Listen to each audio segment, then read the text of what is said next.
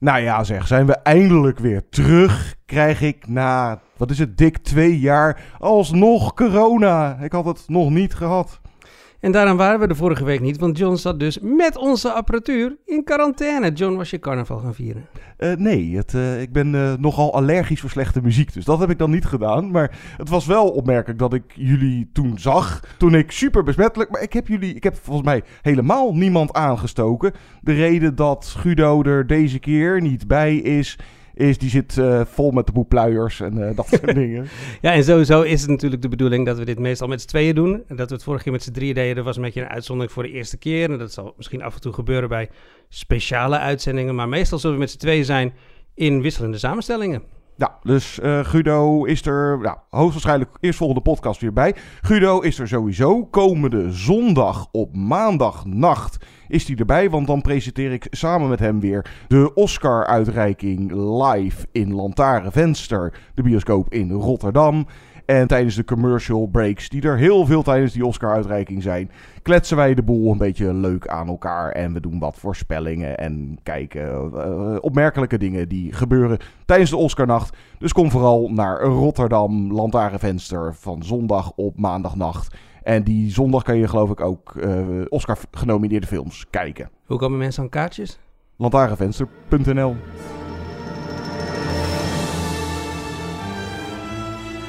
Good evening, ladies and gentlemen. We are tonight's entertainment. Movie Insiders. They're here. Why should I waste my time listening? Because I have a right to be. I have a voice. Groovy. Hallo allemaal, leuk dat je luistert naar Movie Insiders, de podcast van movieinsiders.nl. Mijn naam is Jasper. En mijn naam is John. Je kan ons altijd een mailtje sturen. movieinsiderspodcast.gmail.com Beluister deze podcast via bijvoorbeeld Spotify, Apple Music. Je kan met ons twitteren at movieinside. Ja, komend weekend worden de Oscars weer uitgereikt. Eén van de voor beste film genomineerde titels. Oké, laat ik hem gelijk even noemen. Drive My Car, het Japans uh, Drive My Car, is ook genomineerd voor dus onder meer beste film. En dat is vrij uitzonderlijk dat niet-Engelstalige films meedoen in categorieën buiten de uh, voor de hand liggende categorie. Tegenwoordig heet het International Feature. Dus we hebben een top 5 bedacht. Oscar over de grens. Dus niet Engelstalige films die ook genomineerd zijn voor, ik roep even, beste script of een acteur of actrice. Guido laat tussendoor nog kort even van zich horen. Die wil zijn uh, liefde voor de nieuwe Pixar Turning Red even van de daken schreeuwen.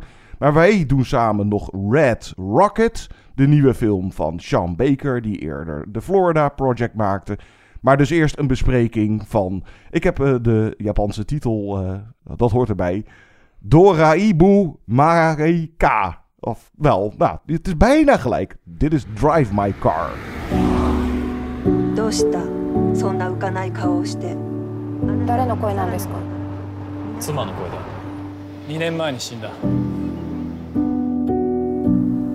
生き残った者は死んだ者のことを考え続ける dat was een stukje trailer waar je waarschijnlijk niks van begreep. Een stukje trailer van de film Drive My Car. Dat is de nieuwe film van de Japanse regisseur Ryusuke Hamaguchi. Die vorig jaar nog Wheel of Fortune en Fantasy maakte.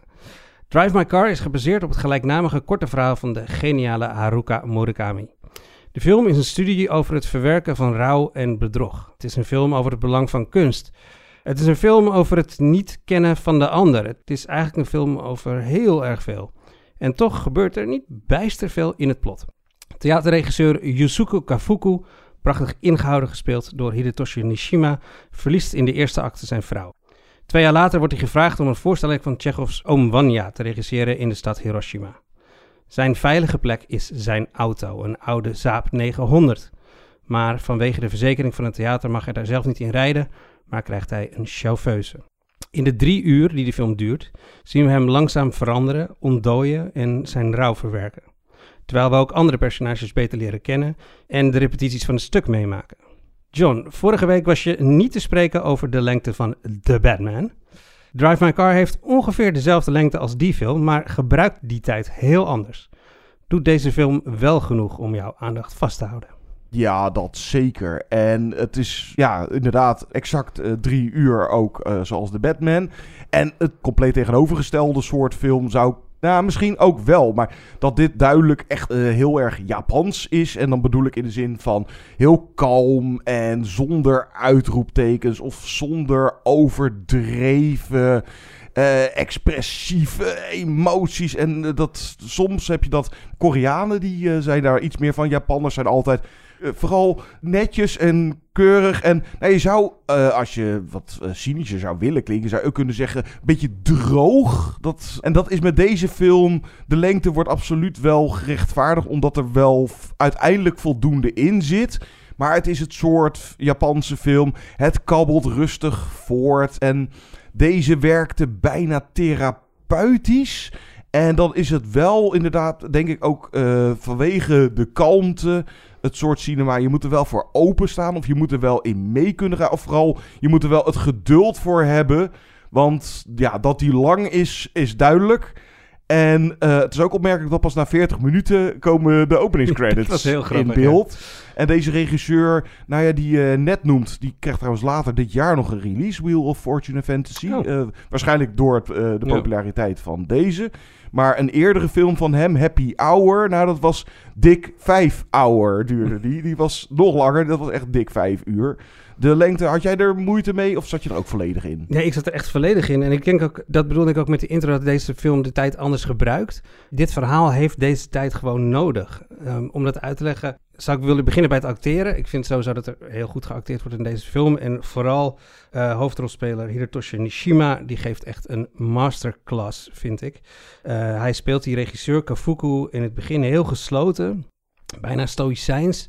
Maar we zien eigenlijk aan zijn ja, aan kleine blikken en bewegingen dat hij niet zo stoïcijns is als hij doet voorkomen. Je ziet dat er van onderen van alles borrelt en bruist. En hoe langer de film duurt, hoe meer hij zich opent. Uh, zowel naar ons als naar uh, de chauffeuse, uh, waar hij langzaam een relatie mee opbouwt. En die, die opbouw die, van, die, van die boog van het personage is heel subtiel, vind ik, heel mooi. En daardoor heel natuurlijk en vanzelfsprekend. En dat kan de film doen omdat het die lengte heeft, zeg maar. Daarom is het niet gehaast en niet geforceerd, maar kan het gewoon zich natuurlijk ontvouwen. Dus ik denk dat ja, die film gebruikt die lengte gewoon, die heeft die lengte gewoon nodig om dit verhaal te kunnen vertellen. En daarom is bijvoorbeeld ook die catharsis aan het einde uh, op het podium, ik zal verder niet te veel over die scène vertellen, is zo krachtig, omdat wij het hele proces hebben meegemaakt. We hebben geen stukjes overgeslagen. We hebben hem, hem uh, en de muur die om zich heen heeft gebouwd, hebben we langzaam zien afbrokkelen eigenlijk. Dus tijd heelt alle wonden. Ja, het is uh, zeker in het eerste uur uh, zit je nog even een beetje vooral met dit hoofdpersonage van ja, hoe steekt deze man in elkaar? En nou ja, wat ik zeg, therapeutisch ook uh, de karakters. Inderdaad, hij twee jaar na de dood van zijn vrouw, waar hij dol op was, maar rouwverwerking. En dat hij daar ook nog steeds, nou hij heeft sowieso nog steeds moeite met dat verlies. En maar bijvoorbeeld ook met acceptatie dat je zelfs of later, twee jaar later, nog meer stilstaat misschien bij ook de minder fijne kanten van je voormalig partner. Of uh, in hoeverre kan je, er zit er geloof ik ook een dialoog tussen hem en die jongere acteur. Uh, ken je iemand wel echt door en door? Zelfs al was het je vrouw, uh, je partner. En dat nou, spoiler, dat zij vreemd ging en hij daar bijvoorbeeld van afwist en dat toeliet. Maar zowel hij als Misaki, dat is dan de chauffeuse, mm-hmm. het zijn een beetje beschadigde karakters.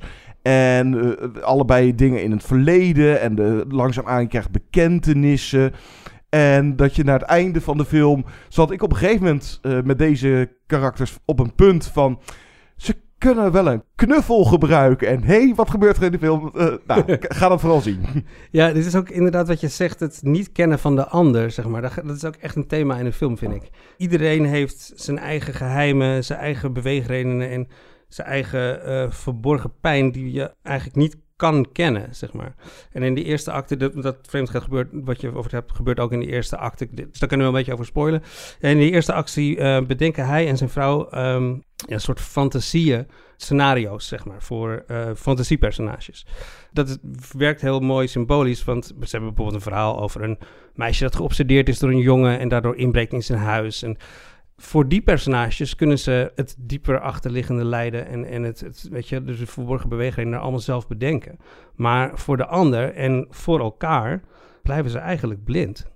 En ja, dat blijkt ook heel mooi uit die relatie tussen hem en uh, die chauffeus. Hè? Hoe, hoe noem je Misaki. Misaki. Ja. Want zij probeert inderdaad ook echt onopgemerkt te bleef, blijven. En zij, zij houdt haar eigen zelf verborgen. Uh, die auto waar ze samen in rijden, ze zitten heel vaak samen in die auto. Dat een geweldige filmauto geweldige ja, filmauto. Een, een rode saap. Een rode saap. De, die auto is een veilige plek voor hem, waar hij zichzelf kan zijn. Maar omdat hij die plek soort van gedwongen moet delen, leren zij elkaar steeds beter kennen. In het begin uh, zit zij eigenlijk zwijgzaam achter het stuur. En het enige wat ze doet is rijden en het bandje aanzetten. Het cassettebandje waar de overleden vrouw op te horen is, die teksten van Oom Wanya voorleest. En dat is eigenlijk hun ritueel. Ja, ze groeien steeds meer naar elkaar toe, ook in de auto. Want in eerste instantie zit hij dus nog uh, altijd op de achterbank. En uh, telkens dat bandje aan, want dan kan hij zijn teksten ja. oefenen. En gaandeweg de autoritjes uh, tijdens de film. Op een gegeven moment zitten ze naast elkaar ja. en gaan ze een hele nou, roadtrip bijna ondernemen nog. Ja, exact. Want aan het einde, of tegen het einde, krijg je haar verhaal ook te horen. Dus zij wordt, opent zich uiteindelijk ook helemaal. En dat is, ja, dan blijkt dus inderdaad wat je al zei, dat zij ook met verborgen leed uh, rondloopt. En dat laat ze zien dat je, je kan niet zien wat er in een andere omgaat, omdat hij dat ook probeert te verstoppen. En veronderstellen dat je de andere kent, is niet verstandig. Mm -mm. Nou, en dan is hij daarnaast dus inderdaad toneelacteur en regisseur. En dat Oom Vanya van Tsjechov, het, uh, ja, ik heb er vaak van gehoord. En daar zal vast ook nog wel wat meer uh, lagen en betekenis en uh, gelinkt aan het verhaal. Ja, Oom Vanya is een, een heel deprimerend stuk. En het gaat vooral voor spijt voor de gemiste kansen in het leven, zeg maar. Dus nou, dan snap je wel ongeveer waar de raakvlakken ja. zitten.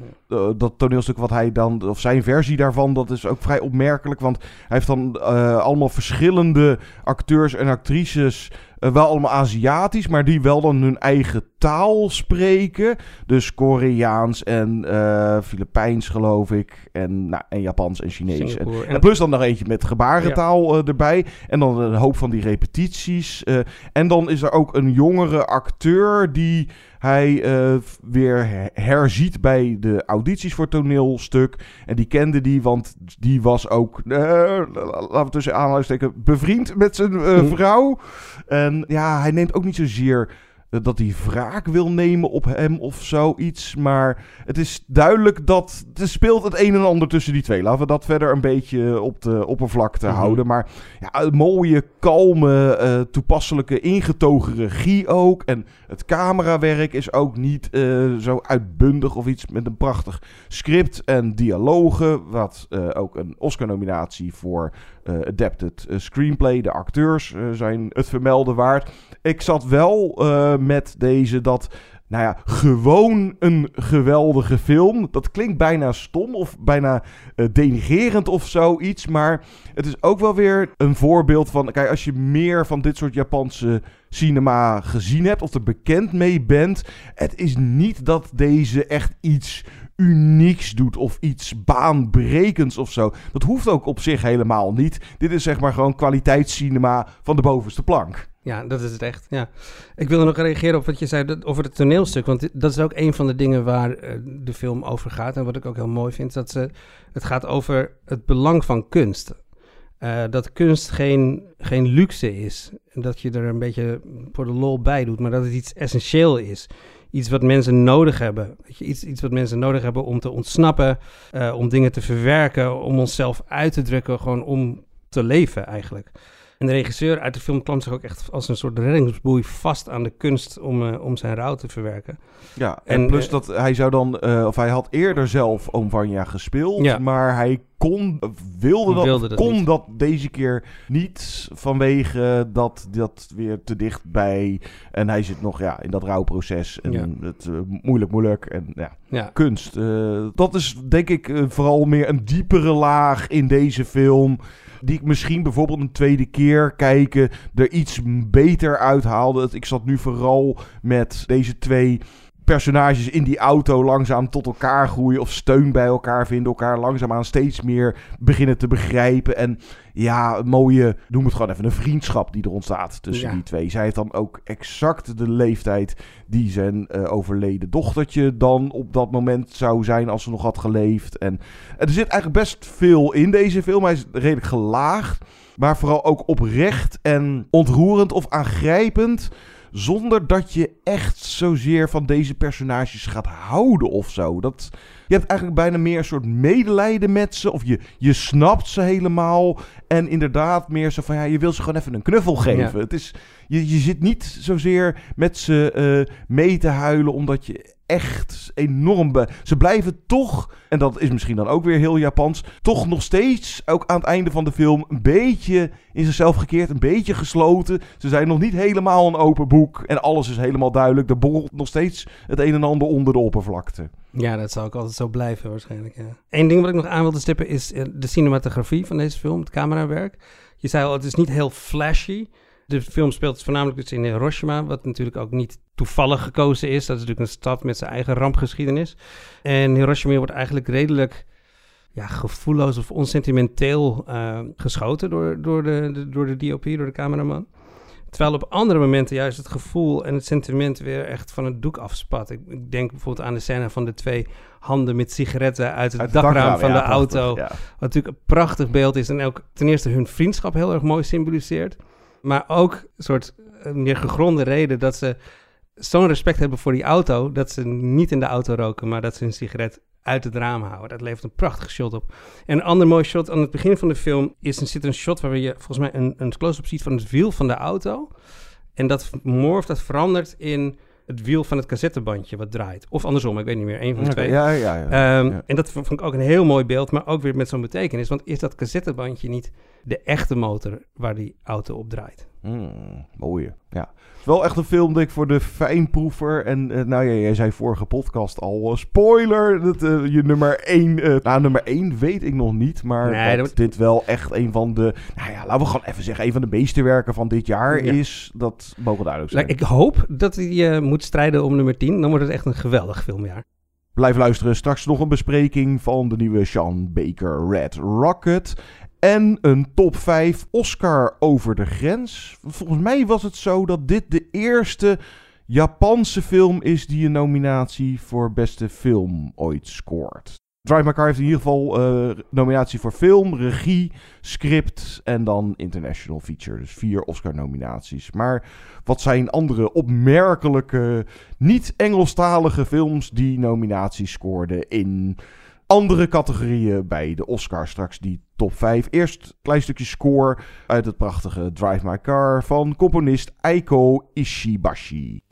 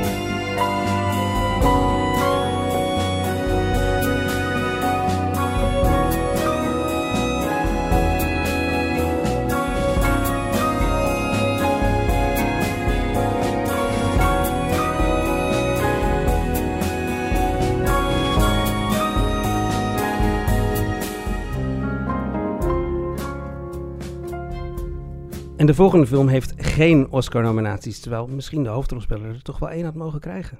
Dit is Sean Baker's Red Rocket. You said you're never gonna step a foot in Texas again. I know, this is unexpected. Oh, nothing with you is unexpected.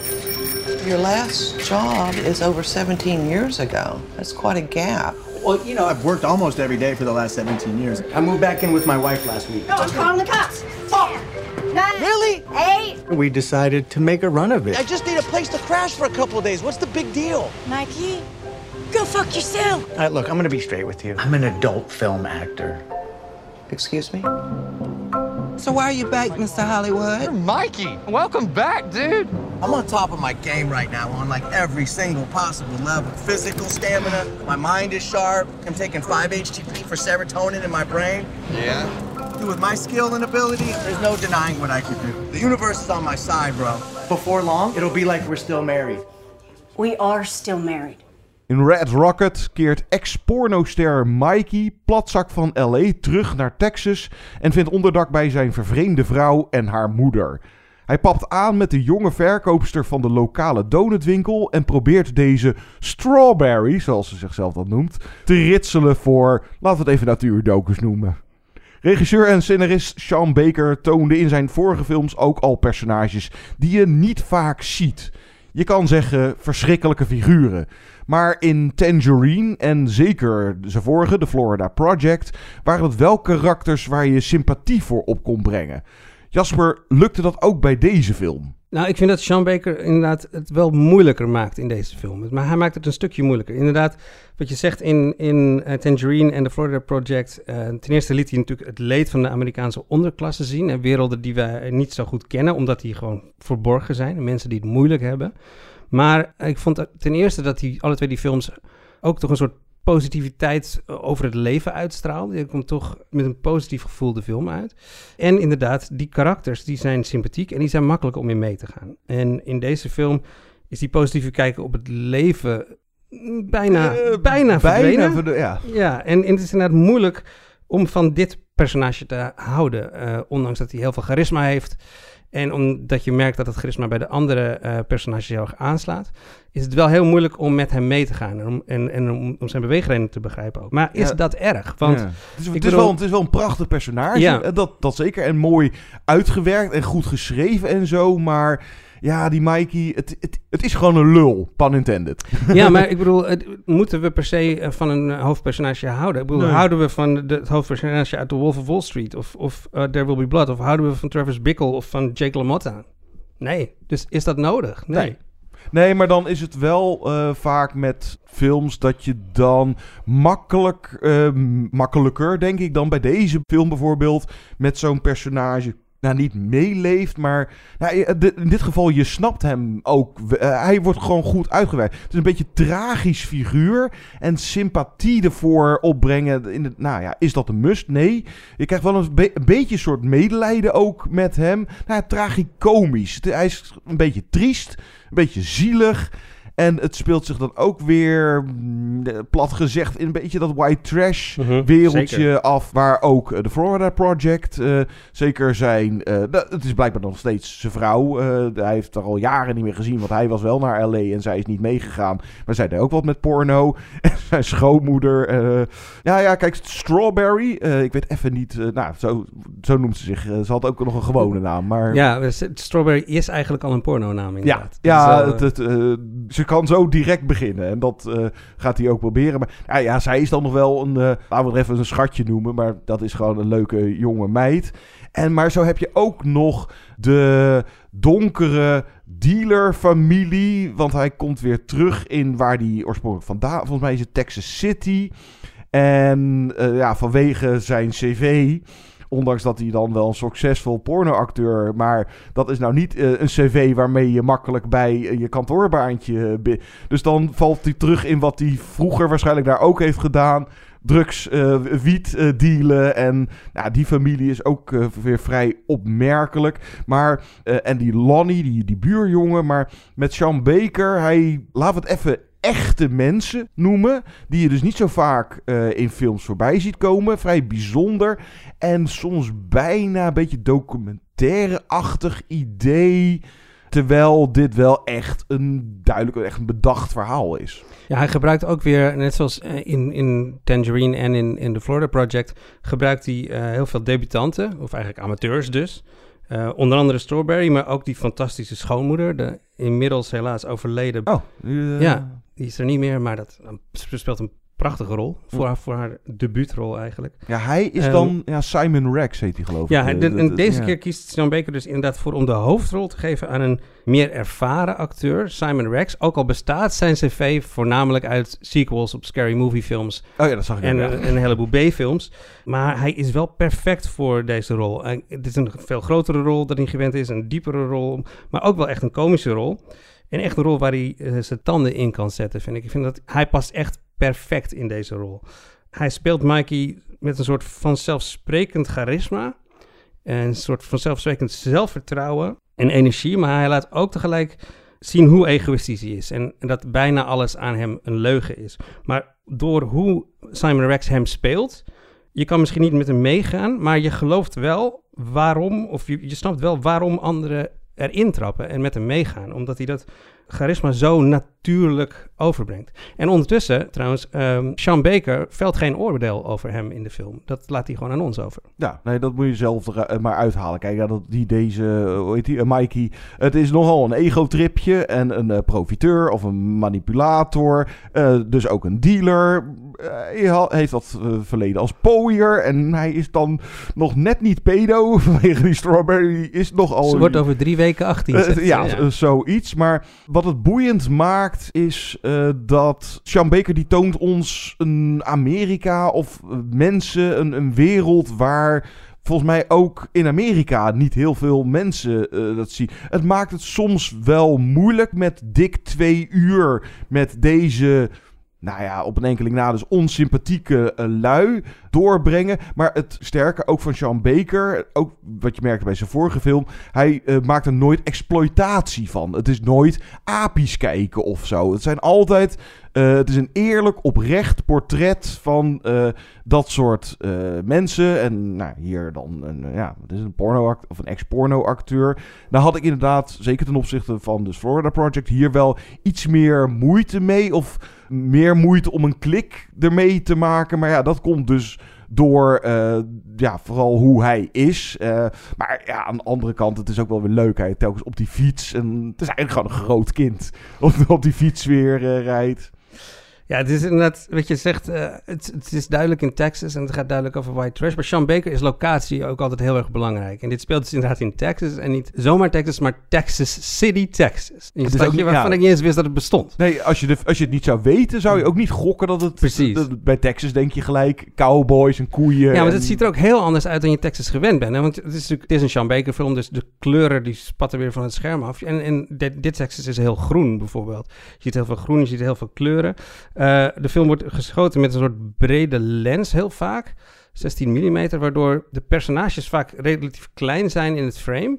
Uh, waardoor je echt het gevoel hebt soms dat hij gevangen zit in zijn omgeving, zeg maar. En het is natuurlijk een stadje waar hij eigenlijk niet wil zijn. Er zijn sowieso heel veel films, Columbus heb ik gisteren nog even herkeken, uh, van uh, Coconada. Heel veel films over mensen die het stadje waar ze geboren zijn weten te ontvluchten. Maar dit is een film over iemand die daarna met hangende pootjes weer terugkomt. En dat is toch wel echt een heel ander verhaal. Het speelt trouwens ook in het verleden. Het speelt tijdens uh, de campagne van Trump. Dat wordt ook de hele tijd duidelijk. Overal zie je Make America Great Again borden. En één belangrijke scène hoor je zelfs de hele tijd een soort monoloog, een soort speech van Trump op de achtergrond op televisie gebeuren. En inderdaad, je ziet die, die white trash bevolking van het stadje, die met een soort, ja, een soort lethargisch pessimisme of zo door het, door het leven wandelen. Het is echt, nou, echt heel sterk neergezet, vind ik. Ja, en die sfeer, dat zeker ook door de lengte van dik twee uur, maakt het best een pittige film waar je... Nou ja, hij, hij, kijkt wel lekker weg. Dat is, dat is dan wel weer de kunde. Hoewel er soms een beetje wat herhaling... Uh, Oké, okay, dan zit hij weer op die fiets, prima. Maar het is een apart geval. Of dit is gewoon een ander soort films dan dat je door... Sowieso valt het onder American Indie. Maar Sean Baker heeft zich ook wel echt verdiept in uh, het nou, de onderwerp of het materiaal. Bijvoorbeeld voor de, las ik, uh, voor porno, zijn er ook echt wel uh, experts op dat gebied gevraagd. Bepaalde termen en hoe hij dan omschrijft hoe hij een award tot twee keer toe won voor beste pijpscène. En andere personages dan telkens zeggen zo van...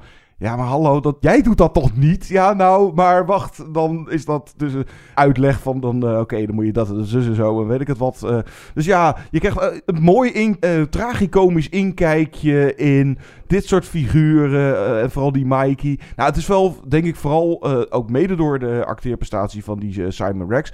Het is vooral ook een personage wat je nooit meer vergeet. Of deze film echt heel erg in mijn hoofd zal blijven hangen in de loop der jaren. Nee, dat denk ik ook niet. En ik weet, eh, van, ik weet dat ik de Florida Project zelfs nu nog af en toe in mijn hoofd schiet. Ja. Scènes daarvan. En dat zal inderdaad bij deze film minder gebeuren. Ik denk dat het probleem met deze film, het is een goede film. Maar waarom hij niet uh, boven het niveau van de Florida Project uh, uit kan steken, is denk ik het scenario. Er zit veel minder empathie in dit scenario. En plus, we leren Mickey heel goed kennen en begrijpen. Maar de andere personages eigenlijk niet. Want wat zijn nou de beweegredenen van die vrouw en die schoonmoeder? Waarom laten ze hem binnen? Waarom letten ze niet beter op hem? Waarom geloven ze hem? En ook Strawberry, haar karakter wordt helemaal niet uitgediept. Valt zij nou echt voor zijn charmes? Of doet ze dit om te pleasen? Of is zij zelf een soort Mikey in de dop en is zij net zo egoïstisch als hij en gebruikt zij hem om te krijgen wat zij wil? Het scenario maakt het allemaal niet duidelijk ja, is zeker toch wel de moeite om gezien te hebben. Eh, om, nou, nogmaals, het is een soort Amerikaanse cinema of een stukje Americana waar we uh, niet zo bekend mee zijn. Uh, dit soort figuren zie je, nou ja, normaal gesproken eerder in documentaires rondlopen. En Sean Baker is sowieso gewoon een regisseur om te volgen, vind ik. Ja, zelfs als het een iets mindere Sean Baker is, nog steeds zeer de moeite. Straks is nog de top 5. Oscar over de grens. Guido laat nog kort van, even van zich horen. Uh, maar je hebt die uh, Susanna Son, die speelt Strawberry. En die speelt op de, wat is het, keyboard. Uh, dit is wel even mooi. het is zeker mooier dan het origineel Bye Bye Bye van oorspronkelijk NSYNC. Tonight. You're probably gonna start a fight. I know this can't be right. Hey, baby, come on. I've loved you endlessly.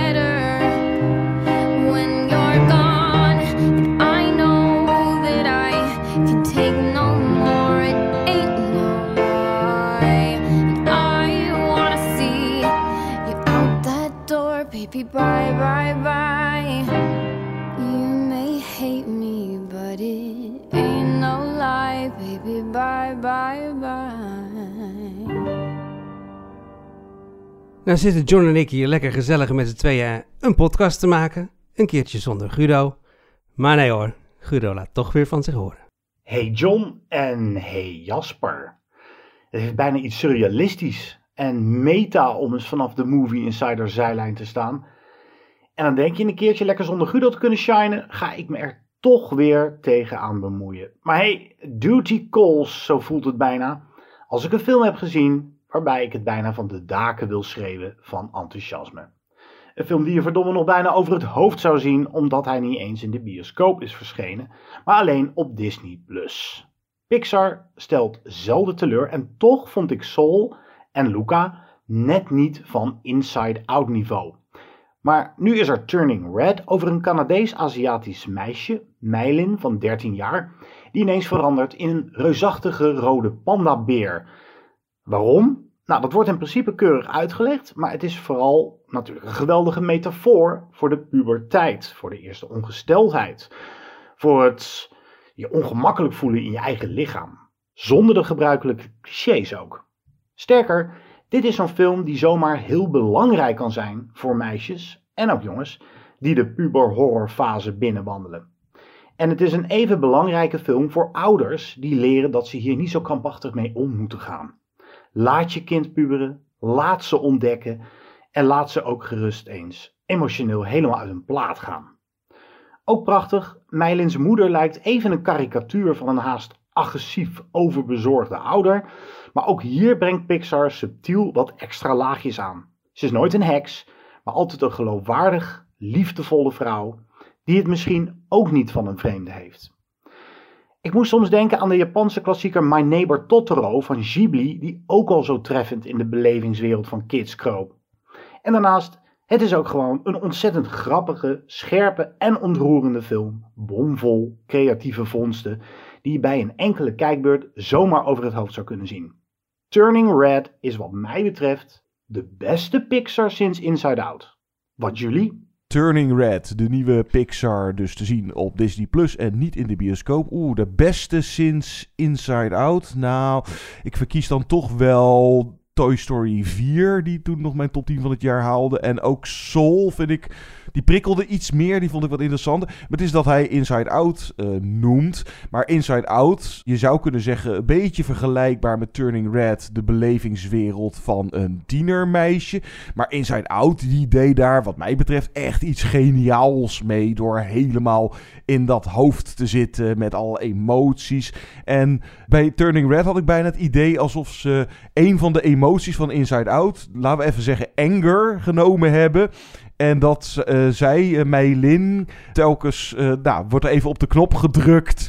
zodra ze de emotie anger, of nou, überhaupt emotie. nou, het is deze nu en hiervoor, de vorige Pixar was Luca, volgens mij. Ja. En dat zou je bijna de Pixar ja, tussendoor. Nou, zijn het wel fantastische tussendoortjes. Maar zowel Luca als deze zijn geregisseerd. Ik weet even de namen van de, de makers niet. Maar doorgene die eerder korte Pixars maakte. Dat is uh, de regisseuse van deze, Turning Red. Je deed eerder dat uh, Bao over Ja. dat. uh, Ze heeft een Oscar daarvoor gewonnen. Ja, volgens mij. Het, uh, De beste maar, korte film. Ja, als dit een tussendoortje is van Pixar, dan zijn het wel inderdaad fantastische tussendoortjes, wat ik zeg. Ja, ik ben inderdaad, ja, ik ben het met jou eens. Ik, ben niet zo lyrisch eh, als Guido is. En de beste sinds Inside Out is tweeledig lastig voor mij, want ik ben ook niet zo lyrisch over Inside Out als jullie zijn. Oh, foei. Ja, ik denk dat ik bijvoorbeeld Soul mij meer aanspreekt dan Inside Out. Komt misschien, ik heb eh, psychologie gestudeerd, dus dan, ja, dan zijn dat soort dingen toch soms een beetje kort door de bocht. En het is natuurlijk wel een mooie symbolische uitbeelding daarvan. Maar eh, ja, voor mij is dat misschien toch iets anders. En bovendien heb ik vroeger heel veel eh, Herman's Head gekeken. Ik weet niet of je die uh, comedy-serie Ja, nog wel- kent. ja. Dus ik dacht ook toen ik die film keek van... ja, dit is gewoon Herman's Head met een, met, eh, geanimeerd. En hoe werkt de Turning Red dan nog goed op psychologisch niveau, dat wel? Ja, het, wat Turning Red volgens mij doet, is dat ze het een beetje in het midden laten waar de rode panda voor staat. Ik vond het, dat het ging over eh, de, de... Ja, coming of age vooral. Coming of age, ja, de- nee, puberteit, Ja. zeg maar. Het, zeg maar het, het, het volwassen worden eh, en, en het gaan rebelleren tegen je ouders. En, eh, maar je kan er ook allerlei andere dingen in zien. Er zitten hele leuke scènes in. Die boyband wordt fantastisch neergezet. Er Die, vriendin- hele mooie... die vriendinnen van haar ook. Die vriendinnen ook, ja. ja. worden. Mooie muziek van Billie Eilish. Mooie muziek. Goede bangers voor die, voor die slechte boyband, laat ik het Mm. zo zeggen. Maar nee, het is voor mij... Het haalt niet het niveau van Soul. En ook niet van Inside Out. Nee, voor mij ook net niet. Maar hij was wel heerlijk. Check hem even op Disney Plus. Turning Red, Turning Red Rocket wil ik er bijna van maken. Oké, tijd voor hey, jouw eerste top 5. Yes. Dit is Oscar over de grens. Korte uitleg. Nou ja, het betreft dan niet-Engelstalige films. Nou, of laten we vooral zeggen, geen Amerikaanse of Britse producties. Mhm. Want je hebt bijvoorbeeld, nou ja, vo- eh, die vorig jaar eh, won eh, Best Supporting Actress. Ik weet even haar naam niet meer, maar Minari. Oh ja. Dat was een Koreaans gesproken rol, maar dat was dan een Amerikaanse productie. Ja. Dus die rekende ik dan even niet Ja, mee. nee, zo maar- zou je ook bijvoorbeeld nu dit jaar die, die, die acteur, de bijrolacteur uit eh, Coda kunnen noemen. Want die spreekt geen Ja, Amerikaans ja. Engels, die spreekt gebarentaal. Ja, en nou, dit is natuurlijk zo'n inkoppertje. Het is eigenlijk misschien ook deels een beetje de aanleiding voor deze top 5 is het Zuid-Koreaanse Parasite van Bong Joon-ho. Die dat is dat de grootste Oscar-schok die ik ooit heb mee... Of, nou ja, dat de leukste verrassing Ja. in de Oscar-geschiedenis eh, sinds ik het kijk. Was echt zo van Parasite won dus beste film. En dat was voor het eerst in de Oscar-geschiedenis. Deze top 5. Nou, welke niet-Engelstalige films eh, waren genomineerd of wonnen in andere categorieën dan vooral dus... Dan beste nu- international feature. Ja, international feature heet Dus die Ja. categorie nemen we niet mee. We Nee. kijken naar alle andere categorieën waar normaal gesproken alleen Amerikaanse of Engelstalige films voor genomineerd worden. Dan heb je er heel wat. En daar hebben we een top 5 van gemaakt. Eh, wat ik misschien even bij moeten zeggen, dat we spoilers niet gaan vermijden voor dit soort films. Want het zijn films die vaak al heel lang uit zijn. Ja, het, eh, je moet je niet helemaal gaan zitten spoileren hoor, maar het, eh, je mag aftrappen met jouw Mag ik nummer aftrappen? 5. Oeh, mijn eerste top 5. Ehm, met toplijstjes vind ik altijd, de, laatste mag een beetje, eh, een beetje, nummer 5 of de nummer 10 mag een beetje speels zijn. Ik zat ook een beetje te denken, zo'n top 5 moet het nou, ja, moet het nou echt de vijf beste films zijn? Of moet je een beetje gidsend proberen te werken, weet je wel? Ja, Dus Ra- Rashomon bijvoorbeeld is een hele goede film, Mm. maar dat weet de luisteraar wel. Ik heb er later ook wat meer echte klassiekers in zitten hoor. Maar ja, ik wilde met deze toch een beetje gidsend werken. Eh, John, als ik tegen jou zeg 2018, genomineerd voor beste regie, beste camera en voor beste buitenlandse film. En dat was dan de Oscars van 2019. Nou ja, je had Roma natuurlijk dat jaar, maar ik denk dat je bedoelt Cold War. Yes! Ja. Helemaal goed, van Paweł Pawłowski. Een Poolse film. Ik had eh, ook Ida kunnen nemen, die was een jaar eerder, maar ik vond Cold War echt nog mooier. Ik vind dat eh, die regisseur, Paweł Pawłowski, die weet echt in minder dan anderhalf uur, het is een hele korte film, eh, weet hij echt een bijna epische film neer te zetten. Ehm, het is een verhaal over een, een onmogelijke liefdesgeschiedenis door de decennia heen. En tegelijkertijd schetst hij ook nog een beeld van Polen in de Sovjet-tijd. Het is echt ongelooflijk knap, vind ik, hoe hij in een paar scènes een beeld kan geven van een compleet diepgaand en ingeleefde geschiedenis. Het zijn eigenlijk maar een paar scènes, een paar lange scènes. En hij springt vaak in de tijd tussen die scènes, een paar jaar vooruit. En hij vult dan in de scène in wat er in die tussentijd gebeurd is. Maar zonder dat het ooit uitleggerig wordt, zeg maar. En bovendien is dit echt ja, super mooie cinematografie. Dus daar Ja. is hij dus ook voor genomineerd, terecht.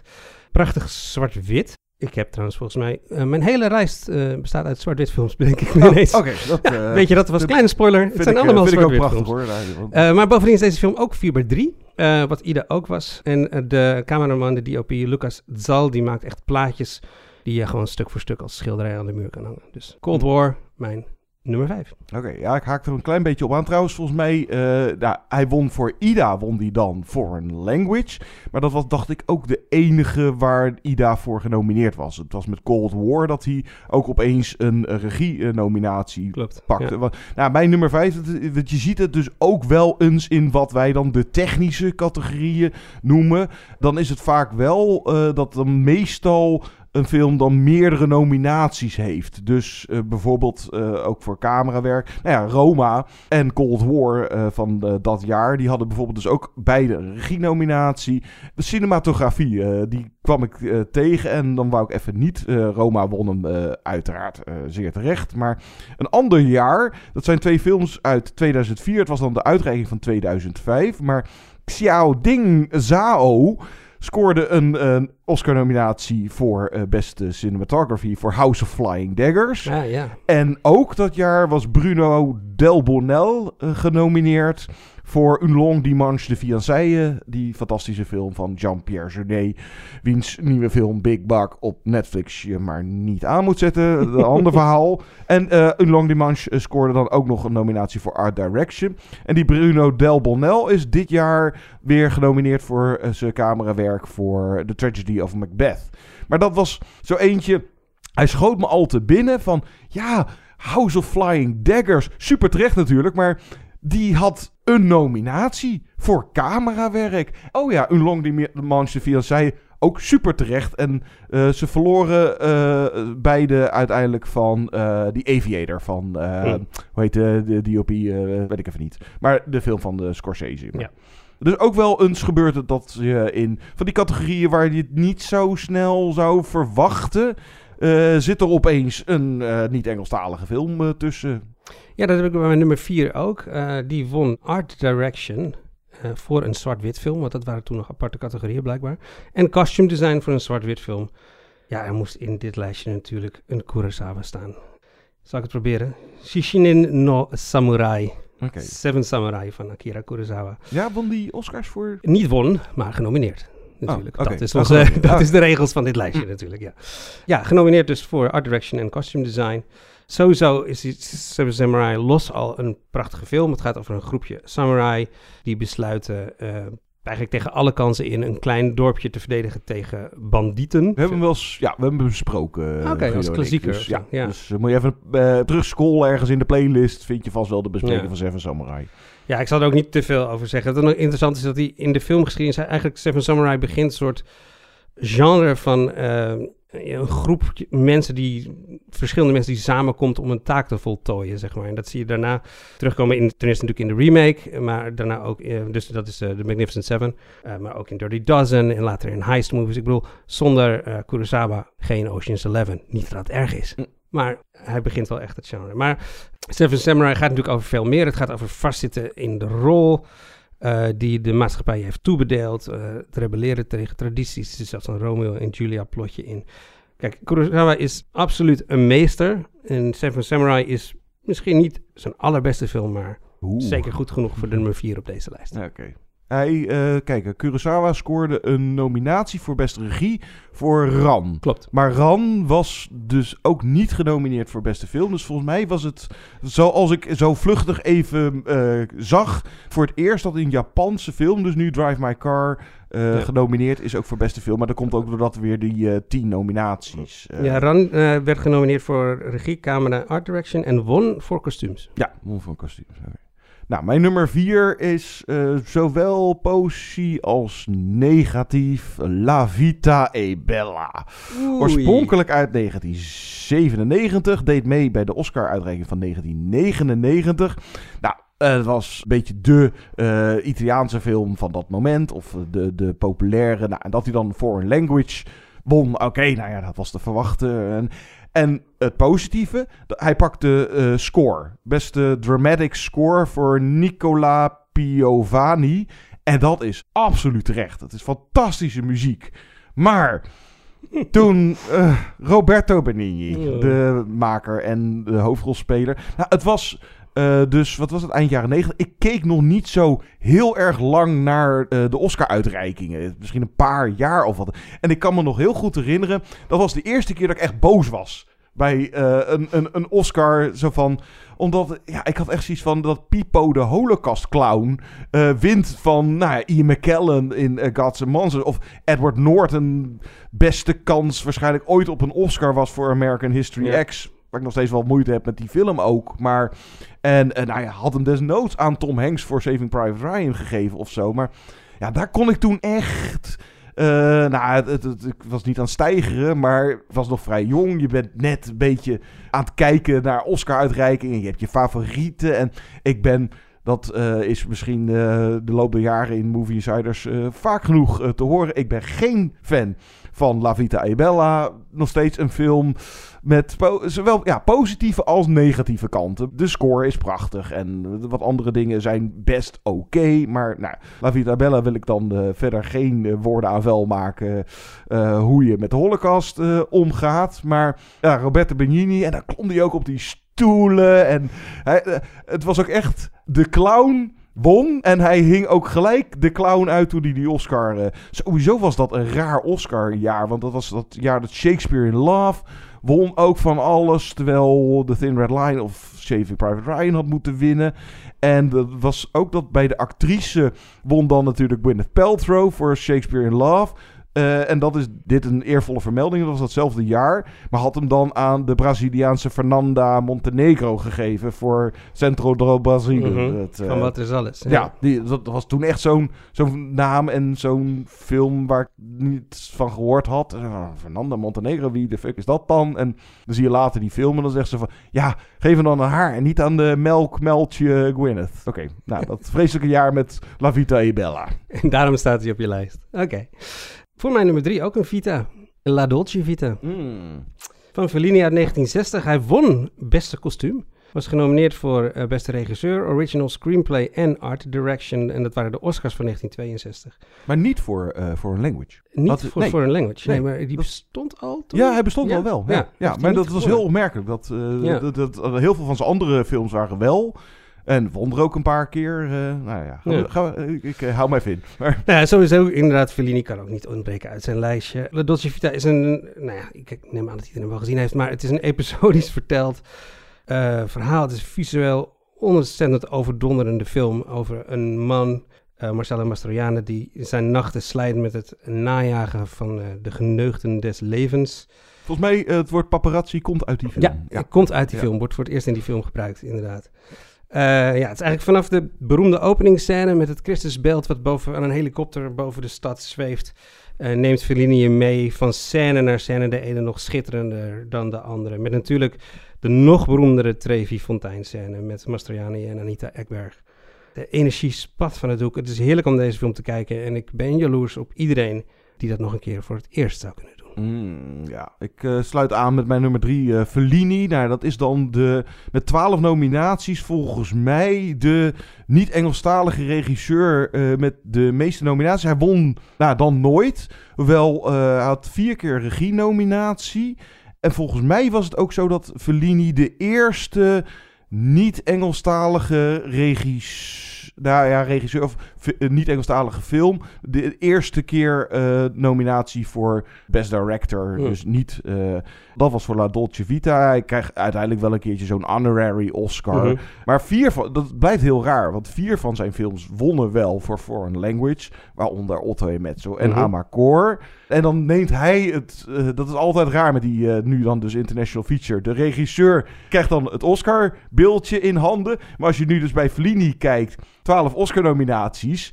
Ja, die vier films van hem die wonnen... Hij heeft ze waarschijnlijk thuis wel op schoorsteenmantel staan. Maar officieel zijn ze niet van hem. Ze zijn voor de producent eigenlijk, ja. En dan, nou ja, als we even toch eh, grote namen noemen. Ingmar Bergman. eh, ik geloof negen nominaties. Ook zo'n honorary Oscar een keertje. En Fanny Och Alexander. Die, eh, als ik hem al even een keer kan noemen, dan eh, mag ik even Fanny Och Alexander. Won uiteindelijk vier Oscars. Voor, nou, voor een language en kostuums en camerawerk. En goede tweede is Bergman. Maar welke heb je nou? Eh, de- op Drie drie, is dan dus Fellini en ja, La Dolce Vita. Otto Oh. Mezzo kan, kan ook. Mag ook. Oké. Dan voor mijn eh, nummer twee. eh, nog een keer Rome. 1948 hebben ze, zijn genomineerd voor beste screenplay. En hij kreeg een soort honorary award voor beste buitenlandse film. Want die categorie bestond nog niet toen. Ik heb het over Ladri di Biciclette van Vittoria De Sica. De Bicycle Thieves. Ja, ik zag hem ongeveer een jaar geleden voor de tweede keer. En ik wist dat het een meesterwerk was. Maar ik was eigenlijk verbaasd hoe niet verouderd hij voelde. Zeg maar. Hij voelt nog heel levendig en heel rauw aan. Net zoals ik hem toen ik hem voor het eerst zag. En neem ik aan, zoals toen hij gemaakt werd. Dat weet ik niet. Het was 1948. Daar was ik niet bij. Het is een hartverscheurend, maar eenvoudig verhaal. Eh, een man en zijn zoon dwalen door de straten van Rome. De man had eindelijk werk gevonden, plakken van posters door de stad. Maar daar had hij een fiets voor nodig. En na een paar uur werken wordt zijn fiets gestolen. Dus hij kan zijn werk gedag zeggen. Vader en zoon gaan vervolgens op zoek naar die fiets door Rome heen. De vader wordt steeds wanhopiger in zijn zoektocht. Eh, en door de tegenwerkingen die hij krijgt van, door, door vooroordelen en door de bureaucratie, tot hij het eindelijk gehad heeft en de cirkel rond is. En hij zelf een fiets steelt en dus een van de dieven uit de titel wordt. Het is een echt prachtig neorealistische film. eh, wat heel mooi het verschil tussen arm en rijk, of eigenlijk meer het verschil tussen arm en iets minder arm eh, laat zien. De hardheid van het leven, eh, het zet de band tussen die vader en zoon prachtig neer. Het is echt niet showy, het is nergens overdreven. Eh, de Zieke gebruikt ook amateur eh, acteurs voor deze film. En ja, die film gebeurt gewoon zoals het zou kunnen gebeuren. Terwijl het ondertussen wel, denk ik, een van de meest perfecte, economisch, objectief vertelde films uit de filmsgeschiedenis is. Ja, we blijven. eh, Ja, we zitten veel in Italië. Nou, mijn nummer twee. eh, ik ga eh, maak even een lange omweg hoor. Maar Sofia Loren was de eerste acteur, überhaupt, de actrice. die won een Oscar voor een niet-Engelstalige rol. Die, nou, Two Women heet hij in het Engels in ieder geval. Maar zij zat ook. Deze heb ik dan niet. Ge ik heb wel eens Divorce. Italian Style. Die had ook wat Oscar nominatie. Maar Marriage Italian Style is een film uit 1964. En in 1965 had Sofia Loren een nominatie voor beste actrice voor die film. En in 1966, een jaar daarna, had de film een nominatie voor Foreign Language. En ik dacht dat er maar één film zo'n eh, verhaal had. Want dat is dan mijn uiteindelijke nummer twee. Op God na Kortse. Ik weet niet, heb je die wel eens gezien? The Shop on Main Street. Nee. De Tsjechoslowaakse film uit 1965. Die in 1966 Best Foreign Language won. En ja, dat zat toen volgens mij anders met de regels bij de Oscars. Dat, nou ja, een eh, foreign language, dat, dat was natuurlijk ingestuurd door dat land. En pas eh, voor andere categorieën kon een film dan pas meedingen voor een Oscar voor die categorie. Als die dan daadwerkelijk in LA of, of in Amerika had gedraaid. En daardoor gebeurde het dus dat de hoofdrolspeelster Ida Kaminska, die speelt vrouw Loudman in eh de on Main Street. Een jaar later, in 1967, een nominatie voor beste actrice scoorde. En volgens mij zijn dat dus de Op God naar Kortse en eh, Marriage Italian Style... de enige twee films uit de Oscargeschiedenis die in meerdere jaren genomineerd zijn.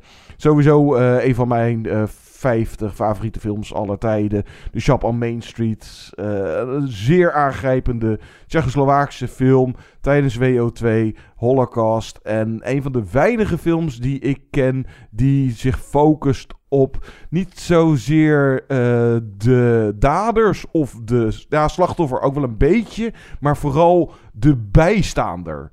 De gewone man die het aanschouwt, die die holocaust ziet voltrekken, de joden afgevoerd ziet worden en je staat erbij en je kijkt ernaar en wat moet je, nou ja, wat je momenteel bijna een beetje met dat, dat, hele Oekraïne gedoe, eh, het is niet helemaal hier bij ons eh, om de hoek, maar wel ook, ja, wij hier zoiets hebben van, ja, shit, tuurlijk het is vreselijk, maar ja, je kan er ook zo weinig aan doen of zo. Het is, nou, laten we hopen dat het snel... eh, Maar dat laat hij veel mooi zien. Ja.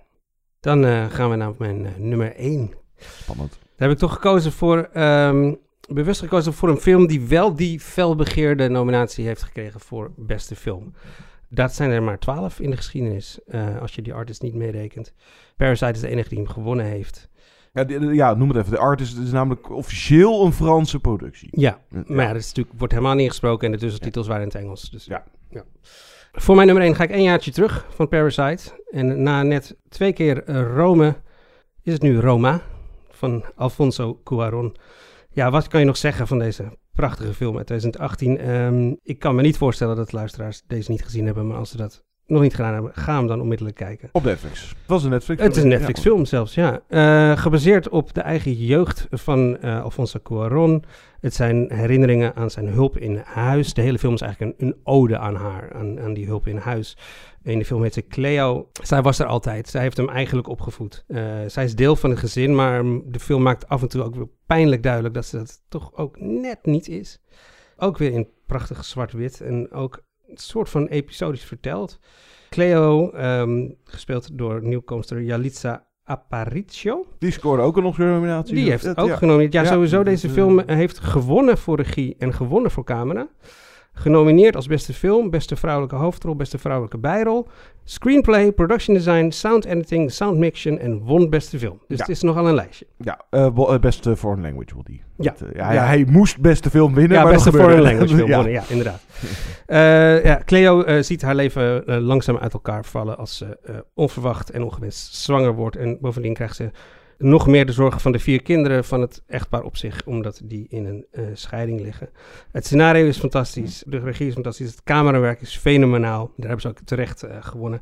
Ik denk vooral dan aan die scène op het strand, ik weet niet of je dat nog herinnert. Mm. Het is schijnbaar één take. Eh, we volgen Cleo hoe ze uit het water komt. Ze heeft gezongen met de kinderen. Uh, dus ze gaat naar de kant, naar de handdoekjes, dan hoor je dat er iets aan de hand is. Ze rent weer terug naar het strand. De camera blijft haar eigenlijk ja, soort volgen, maar op een soort rails volgen. Ja, ze hebben volgens mij een hele stijger de zee ja. ingebouwd of zo. Omdat, en dan, dan in die zee redt ze twee kinderen, ze trekt ze weer naar de kant. En nog steeds in hetzelfde short stort dat hele gezin dan op de grond.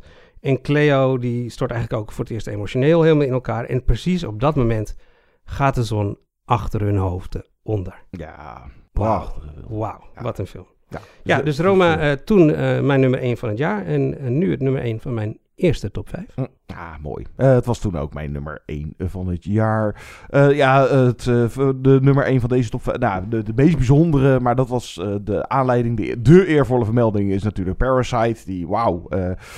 Was dan dus niet de, dat was niet de eerste niet-Amerikaanse film, maar de eerste niet-Engelstalige film. Die daadwerkelijk de Oscar voor beste film pakte. Maar ik ga dan even helemaal terug in de filmgeschiedenisboekjes naar de allereerste nominatie voor een niet-Engelstalige film. Hij had ook maar één nominatie voor beste film. Uh, in de jaren 30, toen uh, dat ook aan de orde was. Dat ze even een paar jaar tien films nomineerden. Uh, in plaats van wat heel lang gebruikelijk was, maar vijf. Maar La Grande Illusion van ja. Jean Renoir uit. of, Oorspronkelijk is uit 1937. Hij was in 39 dan genomineerd voor beste film. Inderdaad, een van de tien beste filmnominaties. Uh, you Can Take It With You van Frank Capra. Ik heb hem wel eens gezien. Dat is een leuke film die, die won. Maar het, uh, nou ja, dat was voor het eerst überhaupt dat er een keer een, niet-Engelstalige film genomineerd werd voor Volgens mij was de allereerste nominatie voor een niet-Engelstalige film in wat voor categorie dan ook. Voor een language categorie. Die bestond nog niet. Dat was ergens pas in de jaren 50. Hij won hem uiteraard niet, maar nou, een keer een, dus, een prachtige klassieker van Renoir met Jean Gabin. En uh, die fantastische rol van Erik van Stroheim met die neckbrace. En een klassieker die een keer gezien moet hebben. Nog beter van Jean Renoir is La Règle du Jeu uit 39. Je nog iets wat het niet gehaald heeft, een eervolle vermelding? Ja, ik heb nog wat eervolle vermelding. Ik wilde sowieso melden dat er twee Nederlandse films hadden mee kunnen doen. Alleman en Bij de Beesten Af zijn alle twee genomineerd voor een beste documentaire. Hm. Uh, van Haanstra, alle twee. Ja.